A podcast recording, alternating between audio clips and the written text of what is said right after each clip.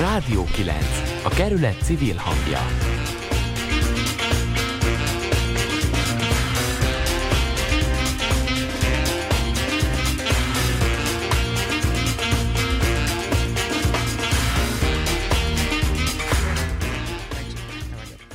Ferencvárosi Közösségi Alapítvány keretében működő Rádió 9 ismét adásban van a megszokott időben, de alkalmazkodva a koronavírus okozta veszélyhelyzethez, továbbra is egy belső Ferencvárosi nappaliból jelentkezünk.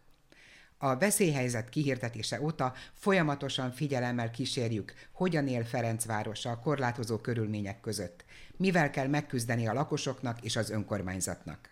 Ezt ma is folytatjuk. Hallani fogják Reiner Roland alpolgármestert, akinek segítségével azt mutatjuk be, hogyan érinti Ferencváros önkormányzatának költségvetését a járvány, a járvány idején hozott gazdasági intézkedéscsomag. Jó estét kívánok! Nemes Nézingredina vagyok, a mai műsor másik szerkesztője. A már elhangzottokon túl szó lesz még a mai műsorunkban arról, miért kéri 10 Ferencvárosi képviselő az atlétikai stadion építésének leállítását a polgármesternek címzett nyílt levélben. Mátyás Ferenc képviselőt kérdeztük.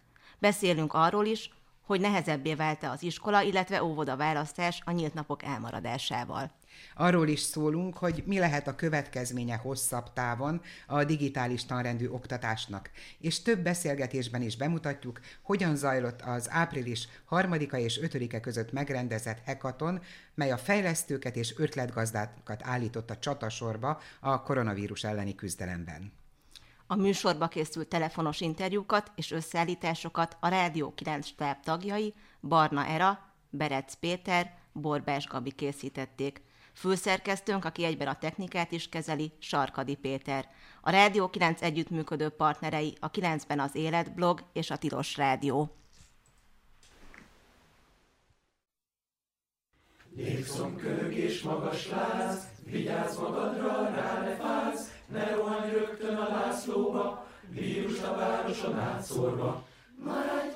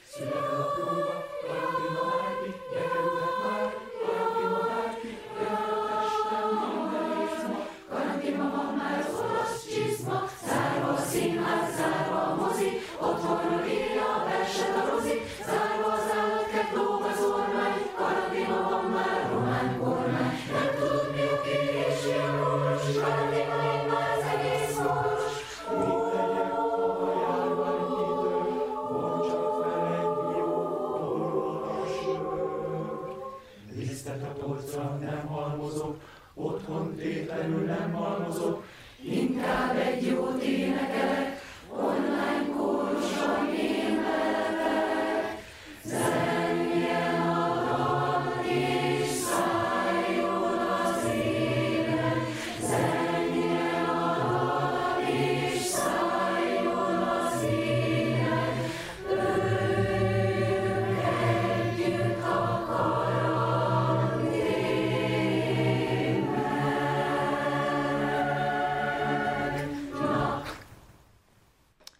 karantének a Csíkszerda kórus előadásában hangzott el.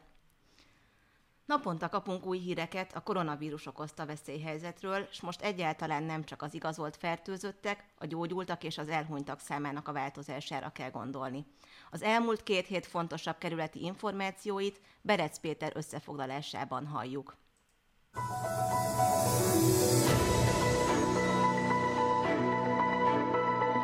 Napra pontosan majdnem egy hónapja tart az otthoni bezártság. A mai legfrissebb adatok szerint 1652 fertőzött van és 142 elhúgy. Nézzük, hogy mi történt mostanában a kerületben.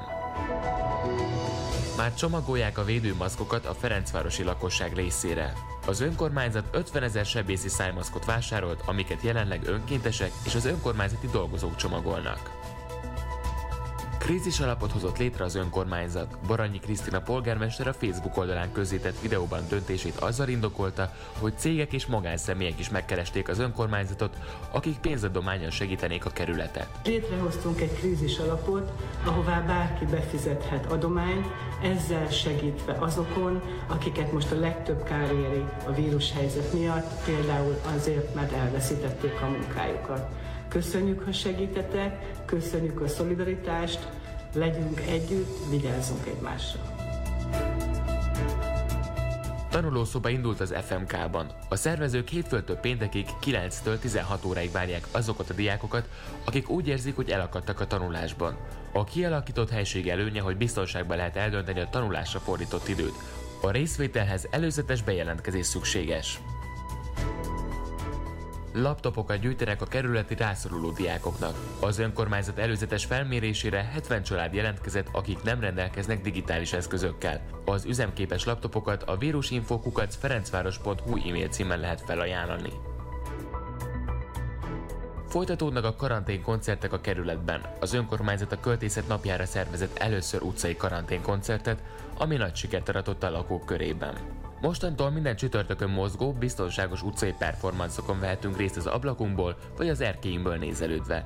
A kezdeményezés nem csak a kerületi lakosok szórakozására szolgál, hanem az előadó művészeknek is segítség, akik bruttó 50 ezer forint tiszteletdíjban részesülnek. Felépőnek jelentkezni a www.ferencváros.hu-n lehet.